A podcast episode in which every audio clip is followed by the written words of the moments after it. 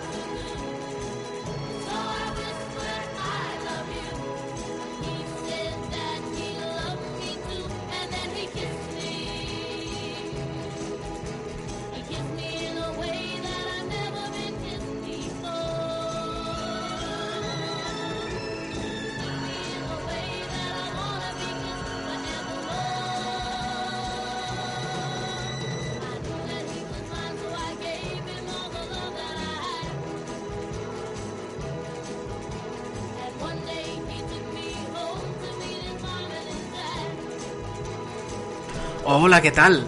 Esto que estáis escuchando es He Kiss Me, una canción de los Crystals que suena en el momento en el que Henry Hill, el protagonista de uno de los nuestros, empieza a bajar por, por la parte trasera del Babylon, el club nocturno en el que se juntan los famosos de esa grandísima película de Scorsese. Vemos cómo va sobornando a los empleados y es ahí donde entendemos la grandeza de esa película y del cine de Scorsese. ¿Por qué digo esto? Pues evidentemente porque vamos a hablar del Irlandés, la película de Scorsese que se ha estrenado esta semana en Netflix, hace dos semanas pudimos verla algunos en cines y de la que está hablando todo el mundo.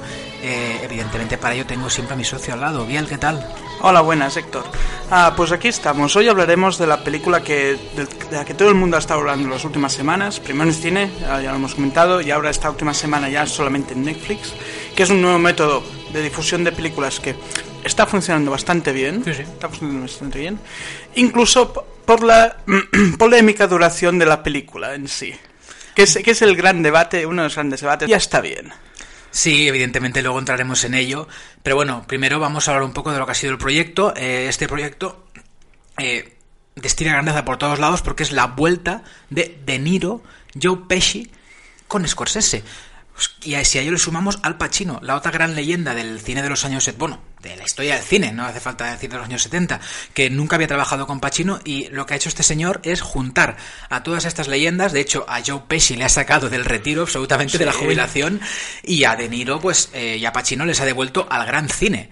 De Niro hay que decir que fue su actor fetiche durante muchos años, el primero fue Herbie Keitel, que también tiene aquí un pequeño papel, Sí. es un poco más fanservice que otra cosa, pero está bien. Luego fue De Niro y ahora estos últimos años ha sido el gran Leo DiCaprio.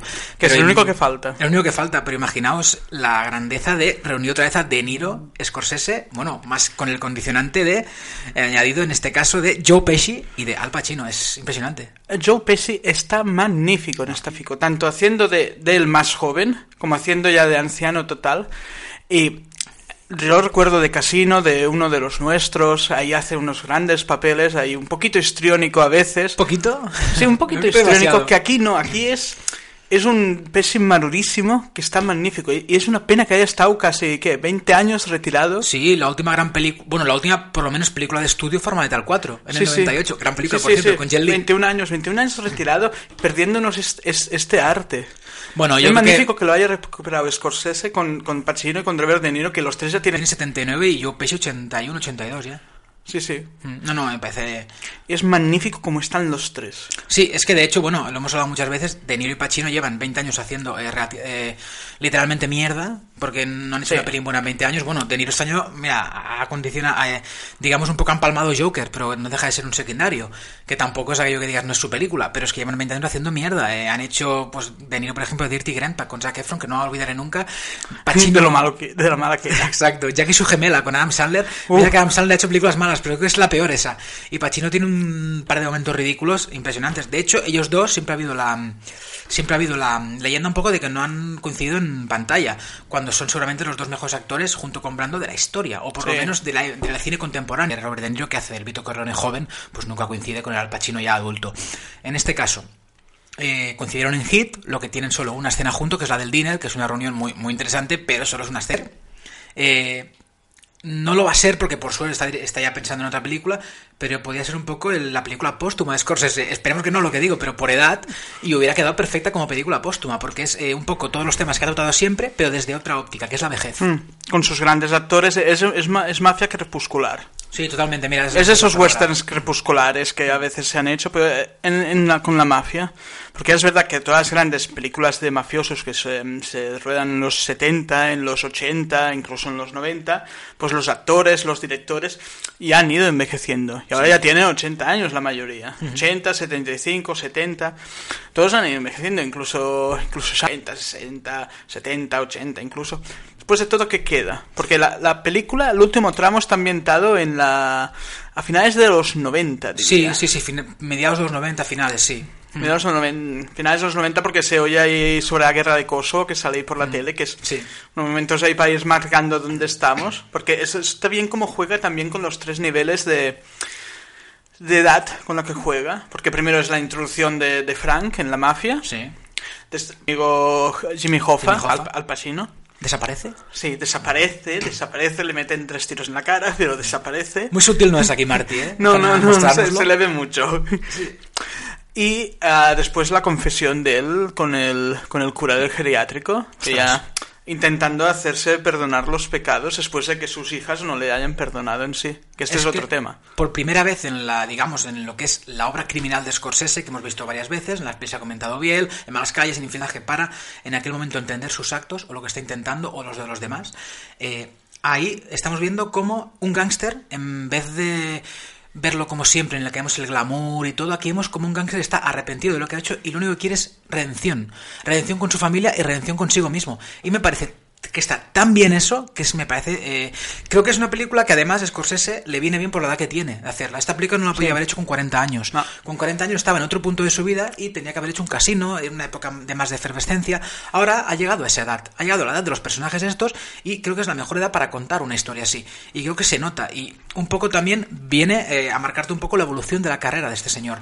Eh, y es la gracia que tiene esta película. A mí de verdad que yo la ver al pase eh, un par de días antes del estreno en cines y me pareció, yo salí como después de aquellas veces que sales del cine que sabes que has visto algo grande de verdad. Mm. O sea, tú puedes, te pu- puedes ver Joker, te puede gustar mucho y, y muy bien, ¿eh? de las mejores películas del año.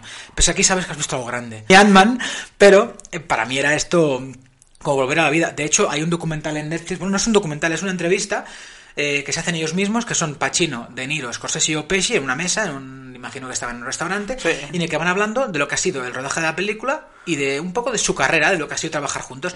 Y hay un momento eh, maravilloso en el que Joe Pesci, ya muy mayor, que se, se le nota muchísimo, le dice que... eh, le dice al Pacino, bueno, yo a ti no te conocía y ha sido un placer, pero es que a estos dos les debo la vida. Porque estos dos me han devuelto la vida ahora mismo. Yo era una persona que estaba absolutamente eh, en el olvido. Sí. De hecho, a él le quisieron eh, la serie de Horas and Pete de, malo- de la hora denostado Louis C.K. Intentaron que él fuera Uncle Pete y no quiso, porque él ya no estaba. Pero la llamada de Marty fue el que la que le hizo volver a No puedes decir que no a esto. Y les ha dicho que le han devuelto. Pero no por nada, porque él estaba ya en otro punto de su vida. Y ahora seguramente está nominado al Oscar como Sí. secundario, seguramente lo gane, porque no creo que haya nada mejor este año, por lo menos lo que hemos visto ahora. Hasta ahora nos queda poco por ver ya este año, nos queda lo de San Sí. Méndez y poco más, y la de, y la de Eastwood, a ver. Pero mm, la ha devuelto al primer plano, que seguramente ni trabaje más, Joe Pesci, ¿eh? Vamos, creo yo. No le da falta. No le da después falta. de esto. Pero es un señor de 80 años que le has devuelto la vida. Sí. Y, que, y que te lo diga un señor al que has visto en películas tan legendarias y en papeles tan bestiales como los de uno de los nuestros, o esta, o Casino, y después ves un poco lo vulnerable de este proyecto y lo que ha querido mostrar Scorsese en este punto de su vida. Me parece. Yo es que estaré agradecido de, estaré agradecido de por vida a Scorsese por este regalo. Un regalo basado en buena parte en, en- en una historia real, que es la desaparición de Jimmy Hoffa, el, el jefe del sindicato de camioneros, un sindicato importantísimo en los años 60 y 70 en los Estados Unidos, porque es como se derivaban las mercaderías de arriba y abajo, que era a través del sindicato de camioneros, y quien controlaba el sindicato controlaba muchísimo dinero. Y la historia va sobre la desaparición de este personaje, que es un hecho muy famoso en Estados Unidos, aquí puede que no sea tan conocido, pero que es una leyenda urbana casi, y es la historia de cómo sus amigos lo hacen desaparecer porque se les va de las manos. Sus amigos, que es Frank Chiran, que es un camionero, en principio es un camionero que se encuentra con un mafioso que le ayuda en, la, en una carretera, le cambia ahí la bujía, no sé qué le cambia, Sí. que es eh, Joe Pesci. Entonces eh, aquí entra la mafia, pero haciendo ahí pequeños robatorios a su propia empresa, que si un desfalco por aquí, que si una mercadería por arriba, tal. hasta que comete un error, comete un error y entonces le empiezan a hacer el encargo de pintar paredes. Pintar paredes, que es como se llama el, el libro original de Brandt, que está basada esta, esta película, que es pintar paredes, sería pintar paredes con el cerebro de las personas que ajusticias. Exacto. Es un poco de gotelé, pero con sangre. Sí, con sangre y con materia gris y un poco de cráneo que siempre Sí, deja... siempre viene bien. Queda bien un poquito de rojo ahí en la. Sí, eh, esto, esto es arte. Narcos segundo, seguro que se vendería. Sí. Y es cómo se van implicando todos en esta red, cómo al final se les va de las manos con su amigo Jimmy, porque empiezan las familias que incluso se van juntas de vacaciones y haciendo cosas. oye. Jimmy es el padrino de la hija de. Sí, sí. Totalmente, fan- pues como se les va de las manos y pues, pueden ver perjudicados, lo tienen que hacer desaparecer. Que también es, es toda la tensión que mueve la película, es la, la traición entre amigos por la propia supervivencia, el código de honor. Como después Frank lo vive de mayor, porque no era su intención. Su intención era ese día arreglar el camión en la carretera. Totalmente. Que es el inicio casi. Intentar arreglar el camión y continuar con su viaje, le ayuda al mafioso y ahí ya se pierde. Eso es como encontrarte una... Le pasó a Hugh Grant, se encontró a Divine y cambió ahí su vida, su matrimonio y todo. La travesti esa con la que tuvo una affair en 95, pero en fin, vamos a otra cosa. En confiar. Y va escalando a partir de ahí. Y es la gracia de la peli.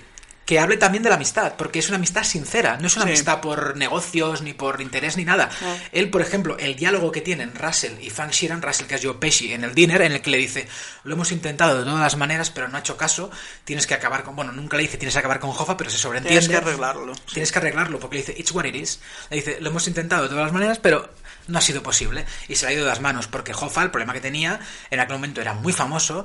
De- después de Kennedy se dice que era la, la persona más famosa en Estados Unidos. Y claro, eh, de hecho hay un momento muy divertido ahí en el que Jimmy Hoffa eh, siempre había, eh, digamos, se había postulado, no se había postulado, pero había invertido pasta en lo que era la carrera de Nixon. Sí. Claro, y el momento en el que muere Kennedy, ve como en, en el edificio en el que está tiene la bandera, bajan la bandera media asta y lo que el primero que hace es ir para arriba y subirla, diciendo, no, no, no, no, perdona, este No, es el mejor no. momento del el mejor momento de la historia. O sea, me parece, son esos momentos divertidos que luego te, te los, digamos, te los combinan con los momentos de drama este, porque la conversación esta que comentábamos entre Pesci y De Niro es, es demoledora, el momento en el que le mata las caras de De Niro. O sea, me parece una cosa eh, que está muy bien llevada y por eso lo de la duración, creo que la duración tiene sentido porque él va tejiendo esas, va forjando esas amistades con, Va el, con el rato, va madurando todo. Tú de hecho me has dicho antes que con el tiempo te va ganando la película porque vas Eh. entendiendo más lo que fue. O sea, tú al final, la, la última hora y cuarto es ver la redención de una persona que vas viendo cómo ha ido creciendo. Es que hasta el personaje de la hija, de Anna Paquin, que ha sido muy criticado porque decían, bueno, las asociaciones esas de feministas que decían que si no, porque las cosas solo es un señor o que no le gustan las mujeres. Bueno, para empezar, callaos, de hecho, o sea, no habéis entendido nada. El mundo de la mafia es un mundo de señoros. Si quieres retratar Claro. el mundo de la mafia tal como es, tienes que mostrar señoros. Si muestras, O si a muestras, Femen y- si muestras a mafiosos mm, eh, eh, des- eh, desestructurados ahí y con conciencia feminista, pues no los vas a encontrar porque los mafiosos de los años 60, 50 es que encima, años 60 y 50. eran, eran machistas como todos los hombres de esa época. Claro, pues, es que a ver, es como no- si no- el verdugo y dices que es, machi- que es machista. Pues claro que es machista, pero es que estamos hablando de 1960. Pero es que además las mujeres en las películas de Scorsese son fuertes.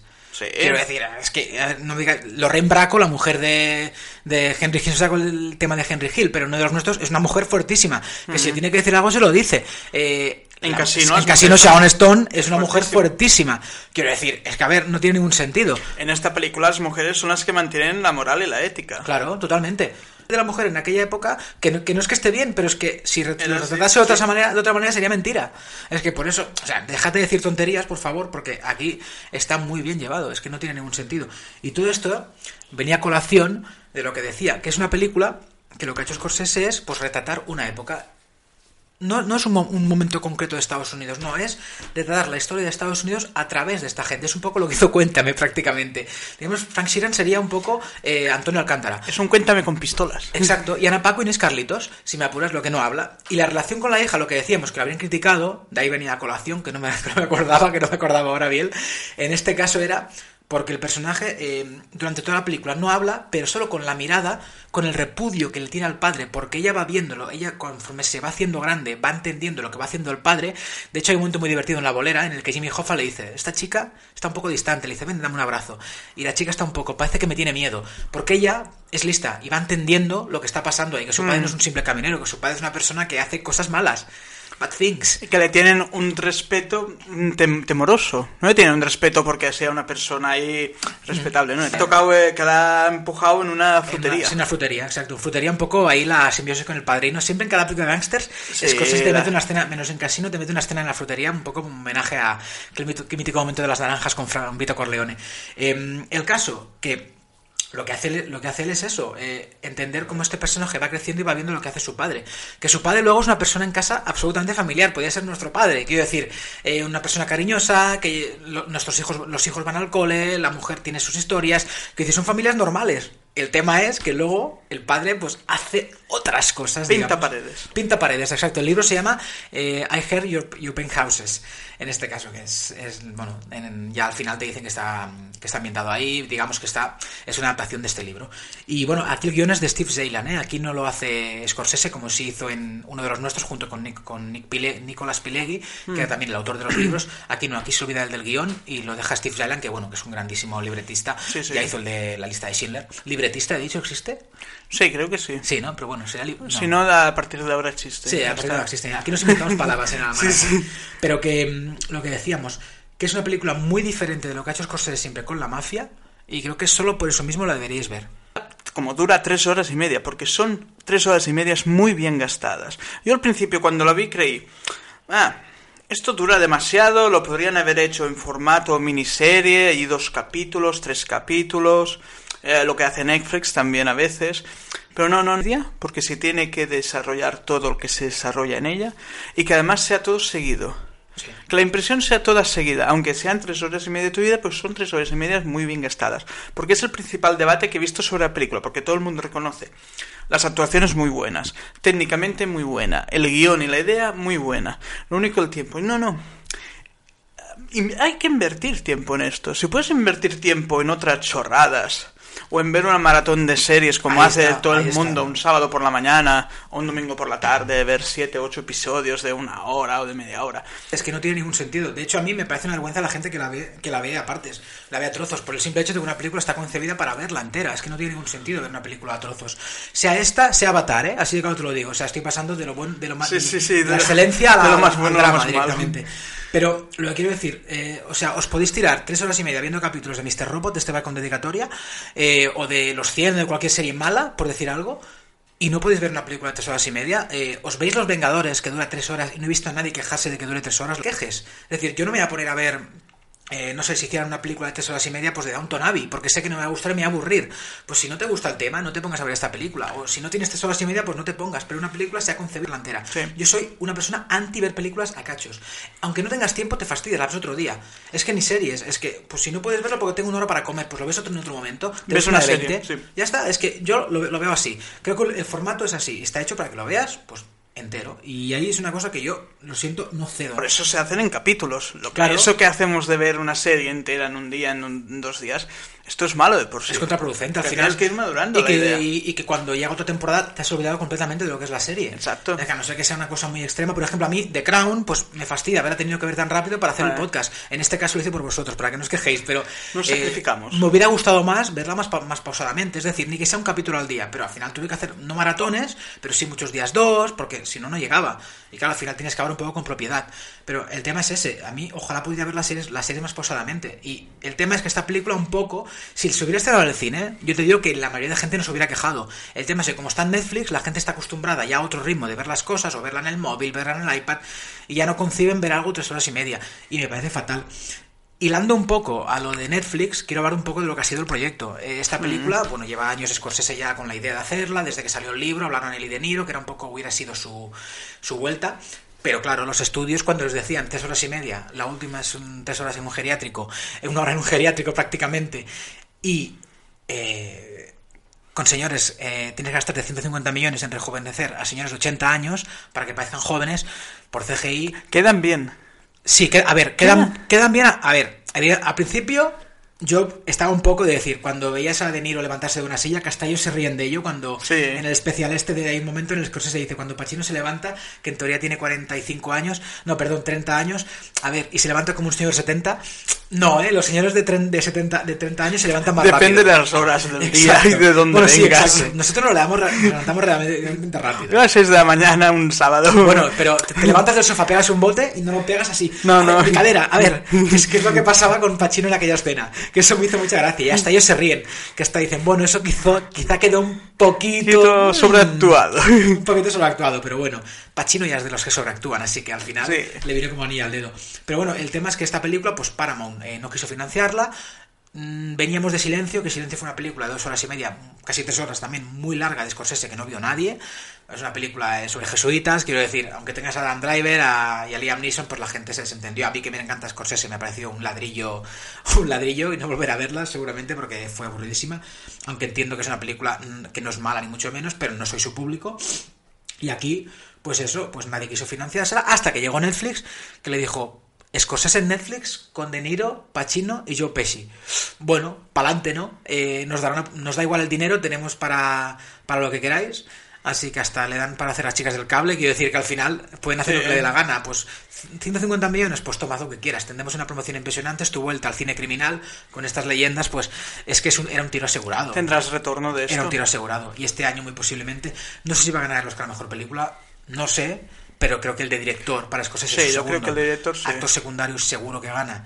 Y ya veremos si guion es que lo ve muy, ve, ve muy difícil que le se lo roben. A no ser que, Sí. bueno, estamos hablando... Bueno, es guion adaptado. Es guion adaptado, sí, guion adaptado, tienes razón.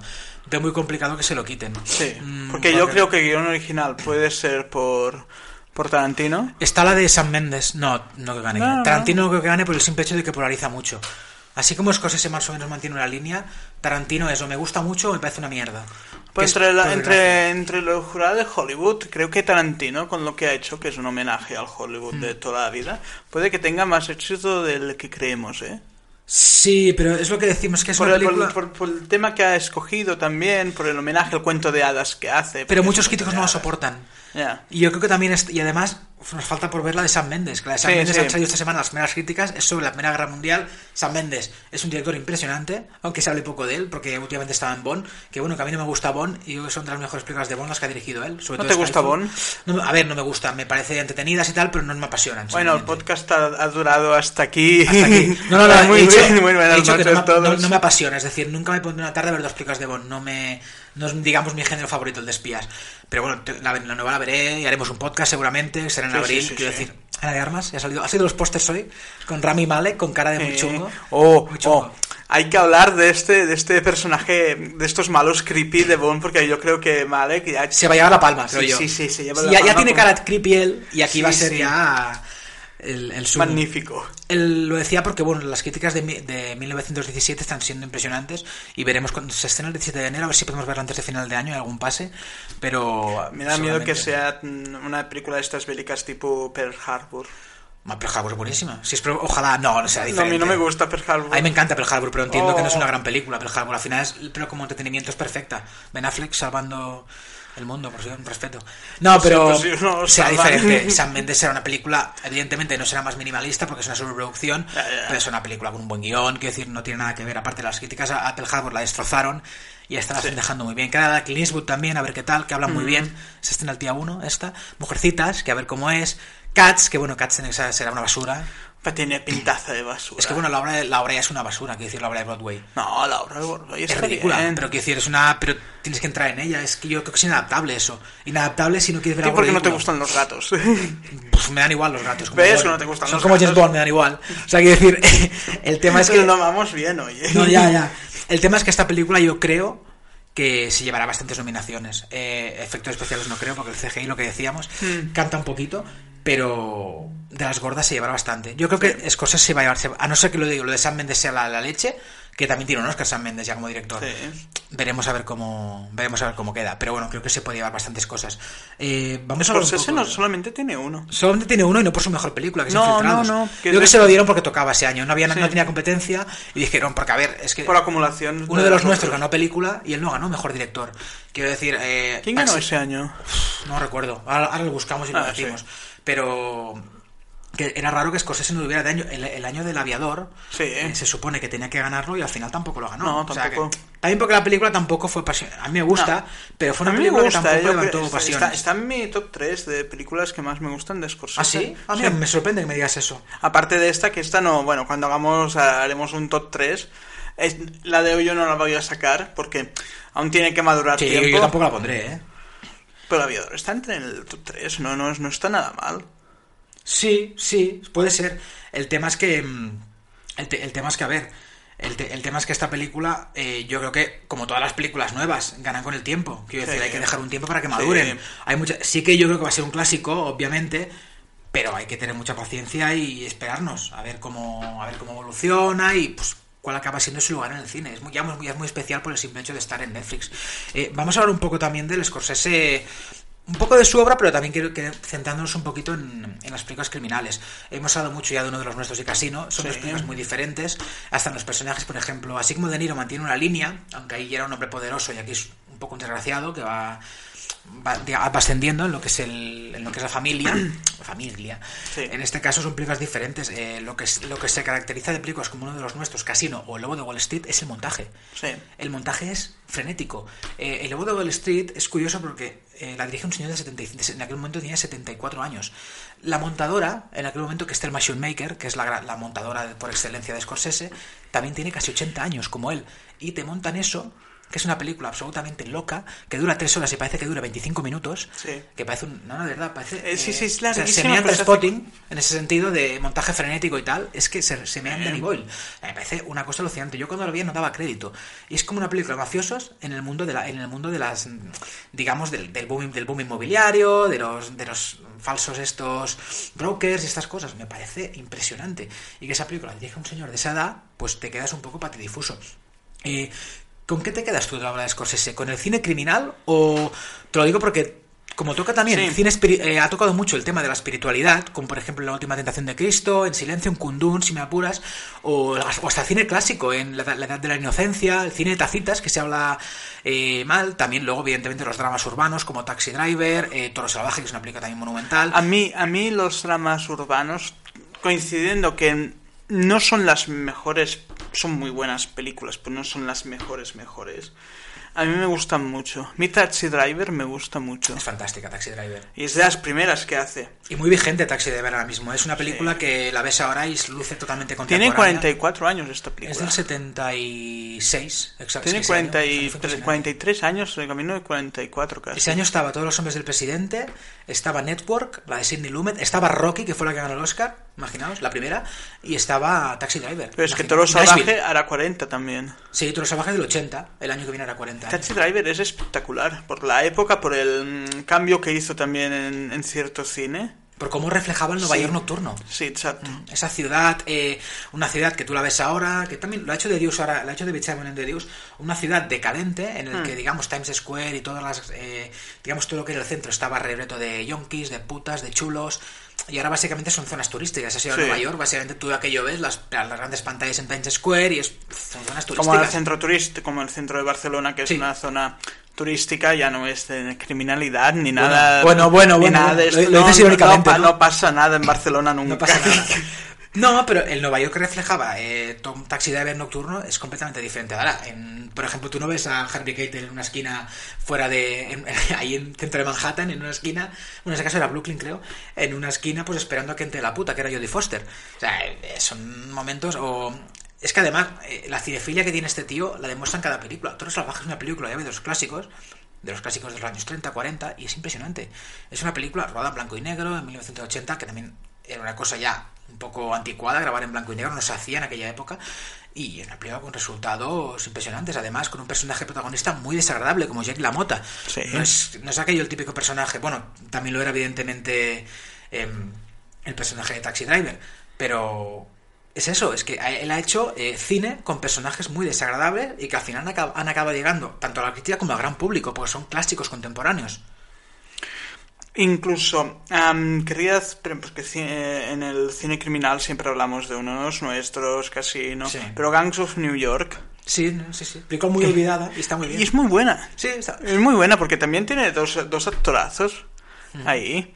Hombre, espectaculares y es también una película larga porque no, no es corta Gangs of New York y también Tres horas dura, sí, sí sí sí tres horas. Cuando Scorsese le da le da no se pone por nada y esa película que es un retrato muy fiel también de una época porque eso lo hace muy bien Scorsese retrata muy bien las épocas la Nueva York de Taxi Driver la, la época de la mafia, la época del inicio de Nueva York también, con Gangs of New York, en la Nueva York de finales del siglo XIX Sí.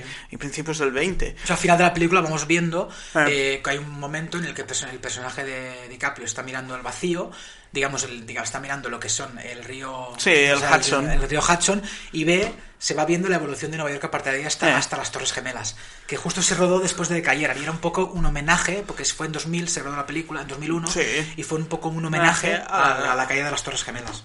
También es, es con Laura Scorsese es un homenaje permanente a Nueva York también. Siempre, no, claro, él, él se considera un, neo- un neoyorquino de la... Eso es un, de- un homenaje a no Nueva York de todo de todos los niveles, desde el nivel más bajo hasta el nivel eh, más, alto con el logo de Wall Street. Siempre sí, es un homenaje a Nueva York, siempre es la gran protagonista. Las historias que lleva sucediendo, la, la historia en mayúsculas de la ciudad y las pequeñas historias que se van desarrollando en ella. Y eso también es muy importante porque de aquí a unos años podremos ver ciertas obras de Scorsese, se podrá hacer un ciclo, un ciclo en Nueva York de Martin Scorsese y hacer todas las películas que ellos se iban y será es arte será arte será- se podrán hacer tesis sobre esto sobre la relación de Nueva York con Martin Scorsese Sí, no, no, es, yo que soy el director eh, neoyorquino, Neoyorquino. más importante obviamente, Sí. es que todo lo que hace, eh, bueno, junto con Woody Allen en este caso, más, más Sí, neoyorquino son que Woody los. Allen, quiero decir, claro, son digamos los más... pues Woody Allen siempre es de un neoyorquino mm, eh, pequeño burgués ahí, Sí, no. Bueno, pero cuando ha tocado la clase baja, cuando ha tocado la, Woody Allen ha tocado mucho la clase baja también Eh. y ha hecho películas muy divertidas, ¿eh? Quiero decir, eh, al final un poco, evidentemente, su tema favorito es el hipocondríaco burgués, pero cuando ha tocado la clase baja, por ejemplo, películas como Granujas de medio pelo, eh, que es muy divertida, con Hugh Grant, por cierto, eh, también sabe explorar bien ese submundo y siempre eh, hace muy bien coexistir, digamos, las dos clases en sus películas. Eso me gusta, siempre evidentemente tira mucho de clasismo, tirando a los pobres, digamos, de un poco más tontos y tal, ingenuos, pero buenas personas, pero que eso es la gracia de su cine. Eh, volviendo a Scorsese, eh, el personaje me, me gusta mucho, lo has dicho, de Gangs of New York, porque es una película muy olvidada, Sí. que en su momento también al final estuvo nominada al Oscar, tuvo ocho nominaciones, recuerdo, y el Sí. personaje de Bill the Butcher, que es el de Daniel Day-Lewis, es fantástico, fantástico. es magnífico sobreactuado histriónico Bueno, siempre, como, Daniel como- siempre, sí, claro. sí, pero es espectacular espectacular la, la, la tour de force que se dice entre Di- DiCaprio que es un actor jovencito en- Sí, en aquella época entonces- tenía tre- 20, 30, no llegaba, después de no, Titanic no, no fue. Sí, era, era el segundo gran éxito después de Titanic Sí, para hizo- DiCaprio. Hizo la playa después, bueno, camino de Sagrada la playa, ¿eh? Pero luego hizo Gangs of New York. Sí, sí, pero es eso. Pensábamos que DiCaprio, porque en el principio se pensaba que DiCaprio sería el éxito de Titanic, Sí, que era un- chico de un solo éxito, Un chico de, guapo, sí. de un solo truco que se dice. Pero que no, que ahí demostraba que era un grandísimo actor. Y a partir de ahí lo, cos- lo coge Martin Scorsese y lo va des- des- desarrollando, porque DiCaprio no había llegado a donde ha llegado sin él. Sin todas las películas que he ido grabando con Sí, Scorsese, lo que he ido aprendiendo, porque ha tocado todos los palos también con trabajado él. con muchos directores, quiero decir, pero igualmente Scorsese al final es su gran padre. Tiene Gangs of New. York, tiene El, El Aviador, tiene Shutter Island, que también es una película que no puede poner en el top 5 porque me- a mí me encanta. No, es un thriller. Como El Cabo del Miedo son películas que también ahí también estaban De Niro y Harvey Keitel. Sí, sí. Son películas, son thrillers O El Lobo de Wall Street. Es que, infiltrados también, sí, evidentemente. DiCaprio se ha ido, ha ha ido creciendo con él. Sí, no, totalmente. Y lo has comentado, lo de Shatter Island. Eh, Shatter Island y Cabo del Miedo, que son, digamos, son sus dos thrillers, son películas que las ves y son magníficas. Sí. Evidentemente, dentro de su género. Pero, evidentemente, Shatter Island y todos son, evidentemente, novelas adaptadas. Bueno, la el, el Cabo del Miedo es una adaptación de la película El Cabo del Terror con Robert Mitchum en los años Sí. 50. Que yo creo que es superior a la, a la. La vi hace un par de años en TCM. Que la echaban, gran canal TCM, por cierto, que nunca desaparezca TCM porque es lo mejor que hay en la televisión. pago, recomendamos. En este caso. Y. Y, en este- y creo que la película de Scorsese es algo, es algo superior. Para siempre quedará el Besa al ratita. Sí. Quiero verte la colita. Es Tiene- una mítica. Scorsese también es, doblaje es español. especialista en crear escenas míticas. Sí, no, no, totalmente. Ay, que hay mitiquísimas. O sea, vamos diciendo películas y todos nos. eh, Robert De Niro delante del espejo en Taxi Driver. Por favor. Oh, oh, es una escena que 45 años después es difícil de superar en sí. Ese es un meme casi. Sí, sí. O en Casino, el, el, el campo de maíz. En Ostras, Casino. por Dios, sí. La escena esa con Joe Cuando entierran a Joe Pesci. Bueno, las dos muertes de Joe Pesci, en, tanto en uno de los nuestros como en. Son míticas, Son míticas. Porque en uno de los nuestros que también la reviven con la muerte de Jimmy Hoffa, que no Sí. se sabe cómo fue. Yo creo que Muy son- parecidas, ¿verdad? Sí. Porque no se sabe cómo fue la muerte de Jimmy Hoffa, son muy parecidas, que es eso, entrar en una casa, esperando una reunión, ver que no hay nadie, nadie girarte, sabiendo ya que, que la vas a... Pero nada más abrir la puerta, ¿eh? En, en uno de los nuestros hay un momento en el que Sí, el que personaje se- de Tommy Hmm. le quiere hacer de la familia entra- y cuando va a entrar la- él entra todo contento, entra por la puerta y tira el, la cabeza. el plano, se La ve lo que él ve, sin verlo él, esa mierda, Sí, sí, sí. y ya pum. Sí, no, totalmente. Porque ve ahí, ahí la- el plástico puesto para no manchar, claro, ya sabe que no lo van a encender. Ahí no pintan casas. Ahí en No. ese caso el- tiene que estar todo limpito. Y en uno de los nuestros le entierran vivo directamente junto a su hermano, que es una escena que aún la ves ahora y te queda Sí, sí, sí. Que, que él lo hace anteriormente con otro. Sí, Creo que sí, sí. recordar que hay una escena donde Joe Pesci lo hace con otro Sí, y se lo devuelven. Se lo devuelven totalmente. Claro, es- un creador de grandes escenas mm, de este estilo. Porque aquí, esto lo iremos viendo con el tiempo, si en, em, The Irishman hay una escena de este tipo, pero hay, hay bastantes Sí, hay muchas escenas que van que, a que pasar. podrían ser históricas. Esto se verá con el tiempo. Eso, Sobre todo, eso sobre sí. todo lo que digo, en la parte final eh, van a pasar muchas la historia. Y el tema de Jimmy Hoffa, todo, digamos, la amistad que tiene y todo, creo que va a ser uno de los grandes, eh, Sí. digamos, cuando por desgracia no esté, porque es un señor muy mayor, Scorsese, tiene casi 80 años, pues son, son escenas que van a quedar muy recordadas. Es una película que va a ir ganando con el tiempo, lo que Sí. decíamos. Y yo también quería preguntarte, no sé si tú has podido ver, eh, bueno, referencia de Scorsese. Este año se ha estrenado Joker, que Joker bebe muchísimo el rey de la comedia. Mm. Sí. Otra película con Robert De Niro y Jerry Lewis. Robert De Niro en el Joker, digamos, hace el papel de Jerry Lewis, que es el humorista que aspira a ser eh, una estrella, digamos, y que le hace la vida imposible al otro cómico, que es el, el súper famoso. Y mm, te quería preguntar, ¿tú crees así también te gusta mucho la historia? ¿Has visto la de la inocencia? Es una película un poco más olvidada, pero también fue en su momento muy Esta la tengo pendiente. Esta no la he visto. Pues Mira que he visto cosas de yo te la pasaré Scorsese si porque el otro día repasando ahí lo, todo lo que ha hecho, las, los grandes éxitos los he visto todos, incluso he visto algunas que no han, que no han brillado muchísimo, pero las he visto, como la Kundun. He visto Bueno, Kundun. Kundun es la única que no he visto, fíjate. Bueno, Pues yo sí. No, no, lo no, más no es de lo mejor, no es lo mejor, porque es esa época entre entre el 95 y el 2000 que Scorsese está un poco desaparecido entre, Sí. entre Casino y Gangs of Sí, New ha- York. hace de hecho, rueda, rueda Kundun creo que un año antes, no, es el año después de Casino. Sí, y- y, 96, luego ya se embarca 96. en Gangs of New York, que fue, un- que fue una odisea, porque bueno, los productores eran Wen- los hermanos Weinstein, y ya Sí. sabemos cómo se las gastaban en aquel momento para con- cortar y tal, una película muy cara y hubo un jaleo, Sí, sí. tardó un par de años en estrenarse, bueno, fue un... De hecho, en aquel momento era una película maldita, lo que luego al final salió bien, pero que fue una película que costó mucho salir- sacar adelante. Yo también, yo sí que he, visto, os digo, todo menos Kundun y he visto las películas, las primeras películas que hizo que son eh, Who's That Knocking on My Door, que es una película muy experimental con Harvey Keitel. Luego, la primera película importante, que es Malas Calles, que es una película de gángsters también. Digamos, más callejeros, también muy desgraciados. Son dos chavales jóvenes que son Harvey Keitel y, y Robert De Niro, su gran papel de Robert De Niro en este caso. Eh, también sale la madre de Scorsese ahí, Francesca, Mm, eh, que, está sí. en, que está en. Mítica señora. Mítica escena en uno de los nuestros, que, que es la madre de Tommy en aquella cena. Sí. Mientras tienen el cadáver en el coche, descomponiéndose. Ellos van ahí a cenar, les prepara a las 2 de la mañana, les prepara ahí un montón de pasta. Que dices, Una mamá italiana. eh, impresionante. El tema, el tema de Italia. Ellos hablan mucho siempre de la amistad que tienen, la procedencia. Ellos saben retratar esos mundos porque ellos Sí, vienen de allí. Ellos vienen de esos barrios Es que italianos, de Little Italy, en Italia. Ellos vienen, aunque De Niro es irlandés, pero se ha criado en esas zonas. Quiero decir, al final ahí conviven Ya, ya, italianos hace, y ya- irlandeses. ya hace el papel de, de irlandés Siempre, en este. en, en- en casi no ser irlandés, quiero decir, es un poco un homenaje. Luego también de Scorsese, Más allá de malas calles, que fue su primera película que tocaba el tema criminal, hay una película muy rara que yo también, como tanto como Who's Knocking on My Door y esta, que es Alicia ya no vive aquí, ya no, ya no vive aquí, Alicia, Alicia Esta no la he visto, sí, sí. Es una película muy rara porque es como un drama sobre, sobre una mujer cómo va creciendo, con una madre soltera, conoce a Harvey Keitel, que es el protagonista. Es una película que está bien, pero la ves y dices es que no tiene ningún rasgo eh, personal de Scorsese. Podría haberte No, no rodado- parece suya. Exacto, es una película muy rara en su... Es interesante, pero es una película muy rara en su, en su filmografía. Y yo que digo, también la vi por TCM como... Y esta ya no es experimental, ¿eh? es una película bastante corriente. Pero me pareció curiosa. También, si os gusta Scorsese y solamente la habrá visto poca gente, os la recomiendo. Eh, a ver si algún día la pasa a TCM, porque es la única manera de verla. O Sí. si Filmin te la pone alguna vez. Y mm, no sé, el tema, para acabar un poco, el tema espiritual. ¿Tú has visto la última tentación de Cristo? Te lo he comentado antes, su silencio. No, no las he visto. Yo he visto las dos, la última tentación de Cristo me gusta un poco más, pero entiendo que es una película, bueno, va sobre Poncio Pilatos. Bueno, Poncio Pilatos es eh, bueno, va sobre sobre Jesucristo. Poncio Pilatos Bueno, sí, es David sí, Bowie. calla, calla. Estaba confundiendo. Es David sí. Bowie, Poncio Pilatos aquí.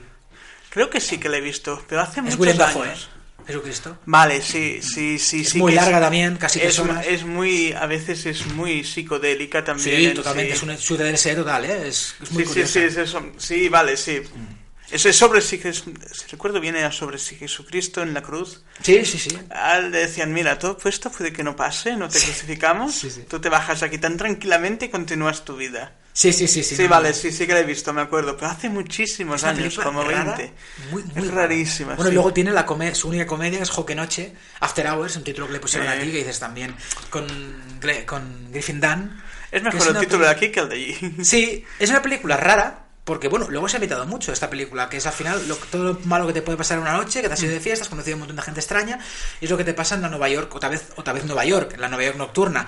Eh, es una película muy curiosa también. Si Esto, la podéis ver... esto ya tenemos el sacón en Las Vegas. Sí, bueno, no tiene, no tiene nada que ver. Ya, ya, pero pero- es una película que siempre la recomiendo también por curiosa. A lo mejor la veis ahora y decís, bueno, humor así ochentero, un poco rara, muy particular. Pero como película así, como la única comedia de Scorsese, está, bueno, el Lobo de Wall Street puede ser comedia también, ¿eh? si me apuras. Pero es una película muy, muy interesante. Y no sé, si no tienes nada más que decir de Scorsese, eh, déjame decir en este caso que vamos a hacer un top 5, pero antes déjame decir también, que se me había olvidado, lo tenía apuntado, que no he dicho una cosa de irlandés, pero necesito recuperarla, que es el personaje de Stephen Graham, que es eh, el personaje de Tony Pro, que Sí, el duelo que tiene Pro. con el duelo ese actor bajito inglés que hemos visto en la última temporada Line of Duty en The Virtus en This is England magnífica serie eh, inglesa y luego en, en Boardwalk Empire también estaba en alguna película inglesa es un actor impresionante y aquí tiene un pequeño papel bueno no es un pequeño papel sale bastante Eh, me hace mucha gracia el duelo que tiene con Pacino los dos super histriónicos Sí. y, se- y creo que este actor junto con Jesse Plemons que es el hijo de Al Pacino en la película el actor este de Breaking Bad eh, creo que van a ser si Scorsese trabaja bastante más, van a ser dos actores importantes en la Sí. carrera. Porque él repite mucho con sus actores. Ya Sí, hemos hablado de los sí. totems, que son Si DiCaprio, alguno De Niro. gusta, le va dando papel. Aquí están, por ejemplo, Bobby Cannavale y Ray Romano, que eran los protas de Vinyl. Gran serie, que se canceló tras una temporada. Faltaba Steve Buscemi, aquí, que era, que era el prota de Naki Thompson, que eran de Brock Empire. ¿eh? Eh, hemos hablado de las series de Scorsese que ha producido y que eran de esta serie. También, antes del top 5, que lo tenía apuntado, y el cine documental de Scorsese. Docu- Scorsese es un apasionado de la música.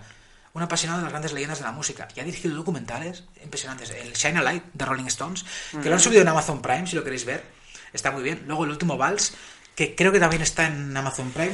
Creo, ¿eh? No lo he mirado, pero creo que está. Y luego el que estrenó este año Netflix sobre Bob Dylan, que si te gusta Dylan te gustará porque es fantástico. Es una Sí. gira que te- es un Rolling Thunder Review que está muy bien también. Si sois fans, es que se- son documentales hechos desde el amor por la música y a esos, y a esos digamos, artistas. Ese Scorsese es un todoterreno, lo toca todo y todo lo hace bien. Y a mí es que me apasiona. Sí. Ya- Creo que es la vez que me vais a escuchar eh, hablar con más, Más, entusiasmo más entusiasmado, sí, sí. Bueno, el próximo programa también hablaré con entusiasmo de una película, ¿eh? pero bueno. Eh, en este caso no tanto como mi... Es que para mí es la familia Scorsese. Si le veo, le sigo en Instagram, cada foto que tiene de señor mayor, con su familia... Ahí con es la petanca, me puse como en la película. Es que la petanca, por favor. La escena de la petanca en la cárcel, cuando son mayores, es que tú y yo acabaremos ahí en la... Cuando acabemos en la Sí. cárcel, tú por Indepe y yo por hacer algún tuit contra Naim Thomas o contra alguien, eh, vamos a acabar... Jugando en la petanca, políticos en la cárcel, Sí, seguro. sí. Y yo igual. Pues eh, acabaremos como ellos, con Russell, como Russell ahí jugando. Que, que chungo ver a Joe Pesci tan mayor en la cárcel. Sí. Ahí en la silla de ruedas. Ahí, es que Exageradamente mayor, es durísimo. parecía Tony LeBlanc en Torrente, un poco. Oh, sí. ¡Oh, chungo, qué muy comparación más mala! Por favor. No, no, no, pero es verdad, o sea, Sí, sí, qué dolor. parecía- no, no, muy chungo, muy chungo. Qué dolor. Y esa escena, pues me gusta esa escena, esa Sí, escena sí, tan sí, a costumbrista. Eh, ver la vejez, que la- los mafiosos son eso, se morirán como nosotros, han vivido, han vivido a todo trapo durante años, pero mira cómo van a acabar. Como tú y Solos, yo. eh, en un geriátrico, en una prisión, En una después prisión. de ir a misa por primera vez en 40 años que iba Joe Pesci. Sí, sí, ¿Por sí. qué vas a misa? Y bueno, voy a misa hoy. No, no, una locura. Eh, dime tu top 3. ¿Top 3 solo o top 5? No, yo haría un top 5, es que Yo hay también, es muchas. o sea, hay que hacer un top 5, por Es que hay muchas.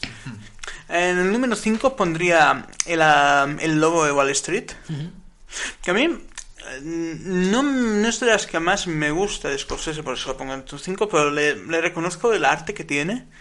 Tiene mucho arte técnico, lo que decías antes del montaje, cómo está montado, que es espectacular. Y en el número 4, Taxi Driver.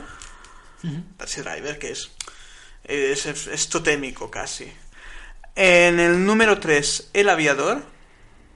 Me sorprende que te guste tanto el aviador. A mí me gusta. A mí ¿eh? me gusta mucho. Se- no, no, esta sí que la encuentro un poco. Me gusta, ¿eh? me gusta el papel de Howard Hughes que hace Leonardo DiCaprio, su espiral hacia la locura, que Blanchett haciendo de Catherine Hepburn. Es decir, me gusta, me gusta, pero sí que fue un, digamos, una aproximación de cosas al cine más clásico, cine clásico de los 50, 60, y creo que está bien lo que le falla un poco. Aquí sí que cuento que tiene un poco de. eh, bueno, siempre pasa cosas, ¿eh? Es- siempre sus películas acostumbran siempre muy largas, pero aquí sí que peca o de ambiciosa o de, o de demasiado metraje. Pero bueno, que me parece una gran película también. Sí, no, a mí me parece perfecto. Está muy olvidada, ¿eh? Me gusta que la recuperes. El segundo y el segundo y primero, voy a los clásicos clásicos. El número 2, Casino. Sí. Casino me encanta porque es, no es la mafia clásica, no son las películas mafiosas clásicas de los 80. Y en otro encuadre, en Las Vegas, en otro contexto, lo Exacto, que eso está muy bien.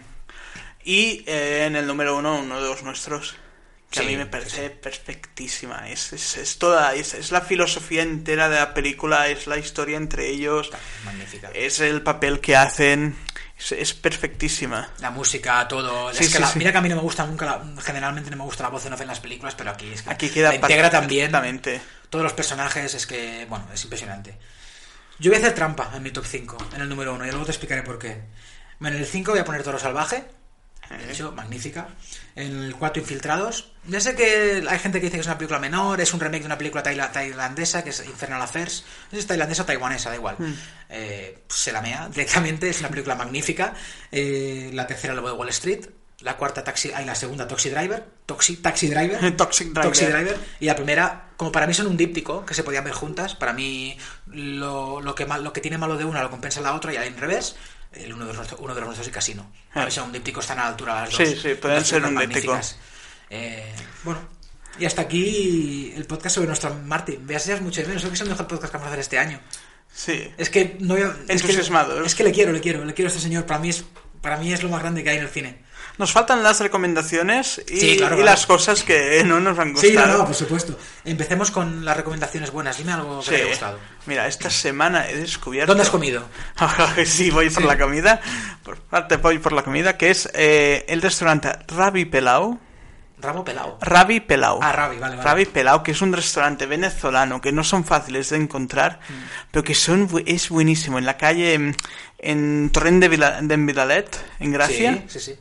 Magnífico, magnífico. Unas arepas exquisitas. Arepas que es como una especie de mm, doner kebab, Ah, pero venezolano. A ver si vas a hacer la CUP, ¿eh? Tanto con Venezuela. No, no, no, no, Ay, porque cuidado. parecían suficientemente de orden ahí dentro. Ah, vale, vale, limpitos, bien. Sí, sí. vale, vale. No, no, el local es muy hipster, o sea, tengo una amiga hipster y vamos a locales hipsters y es totalmente hipster. Ahora me estoy adentran- adentrando en el mundo hipster yo a mi edad. Sí, sí. ¿Cómo me tengo que ver? Te pilla mayor ya. Pero es magnífico. Es mi recomendación de esta semana. ¿Ninguna peli ni nada? No, porque es que he tenido muy poco tiempo. Ya, de no, verdad. las tres horas y media te han ocupado mucho, claro. Sí, no, no, no, Esta semana de cada Scorsese. No, bien hecho. Eh, mira, mi recomendación también es un restaurante, es Da Greco, es un restaurante italiano, que está, que está por... Creo que es Gracia aún, pero bueno, está en el carrer Santa Tendríamos Teresa. que buscar siempre cuando hacemos recomendaciones la dirección exacta. No, tengo la dirección, carrer Santa Teresa. Lo que no sé, supongo que es Gracia, es que yo me pierdo. Es que Sí, Gracia sí, sí, sí, entraba Santa, mucho- Santa mucho- Teresa es... eh, Es Gracia. Eh, bueno, es un restaurante italiano, carísimo, también os lo digo, pero me comí los mejores que me he comido en Barcelona. En el mío se come por 15, 18 euros, comiendo mucho y engordando, ¿eh? Hacerle caso. Que es magnífico. Y hoy, ¿qué, qué bebidas que tiene? ¿Qué cócteles ¿Ah, sí? que hacen? Si hacen cócteles ahí O más sea, ¿pero es más para ir de noche o para ir de día? Puedes hacer de todo. Puedes ahí comer eh, bebiendo un cóctel perfectamente, Que es lo que yo hice. No, no, la verdad es que muy bien. Bueno, me alegro que te haya gustado. ¿Y alguna cosa nada de serie nada? Ah. ¿Alguna cosa mala? Cosa mala, eh, ¿cómo decirlo? El Barça de Valverde. Joder. Ese drama. ¿Te hablo, te hablo yo de lo mío? Sí, no, no, después, primero No, lo no, mío. no, vale, sí, bueno, sí, no, bueno, por lo menos nosotros vamos un poquito por arriba, vamos arriba, que está, está bien, pero qué mal estamos jugando. Qué desastre, qué cosa. El otro día Valverde que parecía Kenny de South Park, ahí en el campo, un horror. Tú, tú, máster, pero... No, no, es Kenny de South Park, pero es en sí, es la filosofía que le da al Barça, es vamos a morir cada capítulo aunque aunque ganemos, pero, es que morimos, no se puede jugar tan mal. Más allá de Valverde, creo que es... no vamos a hacer aquí análisis de fútbol, pero creo que es un problema de jugadores. No, no, sí, también, pero él no ayuda. Bueno, yo creo que él hace Ni lo que la puede. directiva, fuera de esta directiva. Desde aquí yo- cargamos contra esta directiva. Yo no te hablo de lo mío. Novita, porque- a tu casa. Novita. Se parece mucho a Novita, ese Sí, no, sí, presidente. sí. Y es Rigodón. Más Rigodón también. Ay, sí, también es Rigodón, Rigodón para tu casa. Hemos, Eh, hemos crecido suficientemente poco tarados después de, de las series que veíamos de pequeños. los ¿eh? fruitis. Oh, los frites Gazpacho mochilo. Oh, Qué míticos. Yo era- me, me llamaban Gaspacho de pequeño en el cole, porque era un poco cabrón y... solo había una chica, qué raro era eso. Kumba. ¿Cómo la vas pensando? Me gustaba, yo la quería, Kumba. Estaba enamorado de ella de pequeño. Es No, que... yo, yo de mi ley de dos mosqueperros. Pero era un perro. Bueno, igual, la otra, bueno, Vale, otra una chica Bueno, yo, de una sirena, o sea, sirenita, o sea, quiero decir... O sea, que tampoco vamos a... No, no vamos a juzgar parafilias a estas al- No, ya, ya. alturas de la Total. película. Ah, sí, lo. Yo voy a hablar de Háblanos de tu drama, va. No, no, no voy a hablar de mi drama porque el domingo fue, el domingo fue terrible. No Es que es el español, para quien no lo sepa. bueno, estoy absolutamente hundido, pero en la miseria más absoluta. Eh, el problema es que no veo solución, pero bueno, no veo.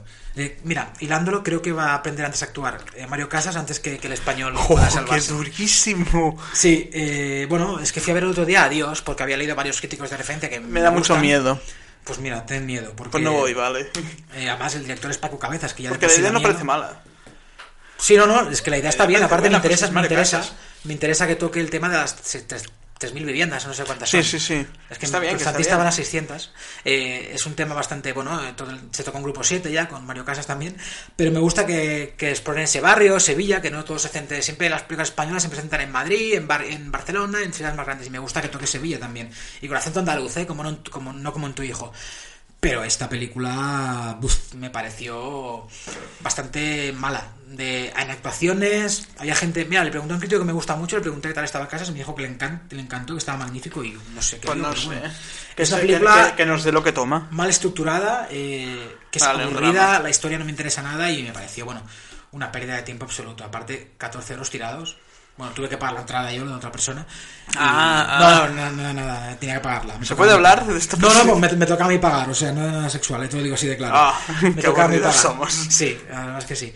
Y nada, y déjame recomendar una cosa que sí me ha gustado, que es una película que se llama Summertime, eh, Locuras de Verano, Hmm. que es una película del 1955, eh, dirigida por el gran David Lean, antes de meterse en las epopeyas de la hija de Ryan, las películas de cuatro horas, vaya, Lawrence de Arabia, bueno, y compañía, Doctor Cibago. Esta película eh, narra un breve encuentro, también, un poco como la anterior que hizo el encuentro, entre una, una cuarentona que es Catherine Hepburn, que se va a Italia a pasar unos días, en este caso a Venecia, entre un italiano que conoce allí.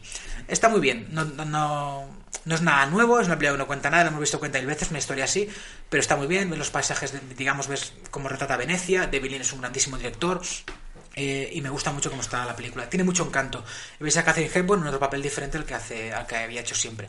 Locuras de verano la tenéis en Filming, esa grandísima plataforma Olvidada no se habla, y magnífica olvidada. plataforma. Por 8 euros al mes habrán puesto un catálogo de 100 películas de la Metro Goldwyn Mayer. Tienes, mira, tienes todos los clásicos de Scorsese, tienes Taxi Driver, tienes Toro Salvaje, las de los 70, tienes también las películas de Woody Allen, tienes un surtido de películas impresionante. Eh, está muy bien, por favor, haceros filming porque vale mucho la pena.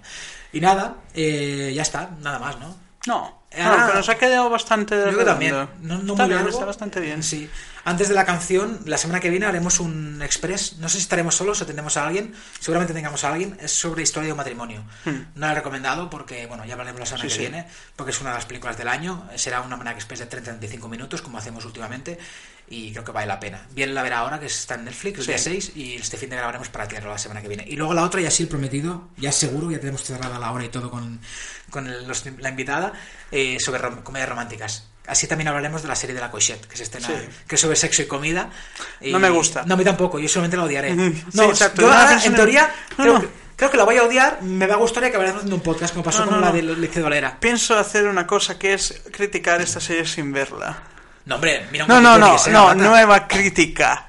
No, No, no, la voy a ver, la voy a criticar igualmente, No sin vale. verla por ella, Me solamente por la ella. Pero- No, la voy a ver. Me niego a verla, la voy a criticar muchísimo igualmente. veremos un capítulo juntos. No. Sin tocarnos, porque sexo No, sexo quiero cobrar entonces. No, Yo para ver esto quiero cobrar. Dile a tu jefa que nos pague. No, no, no. A mí no me pagan para ver a Cochette. Voy a criticar por Pues ser tampoco nos pagan. ¿qué más da? ¿Qué más da? Es igual. Yo ni que sea probaré, veré un par de capítulos. Ya me tragué la basura de Modern Love, pues ya esto lo veo. Ni que Oh, sea Modern Love, qué mierda más grande. Cosa más, eh, Oh. cosa más azucarada. Uf. Pero bueno, eh, tras desvariar, como siempre hacemos en la parte final, Oh, no, vamos pero- a despedir con una de las canciones, la canción que suena al inicio de Malas Calles, que digamos una de las primeras canciones que suenan en las películas de Scorsese, que es Be My Baby, de las Ronettes, una canción monumental y que un poco narraba el inicio de la carrera de este, de este grandísimo director en la historia del cine. No te mueras nunca, Marty, porque lo pasaré muy mal ese día. Eh, nada, me despido. Eh, nos, podéis seguir en Twitter, arroba INCWinCat, a Biel y a mí, arroba Jackson5. Un abrazo fuerte y larga vida a, este, a esta leyenda del cine.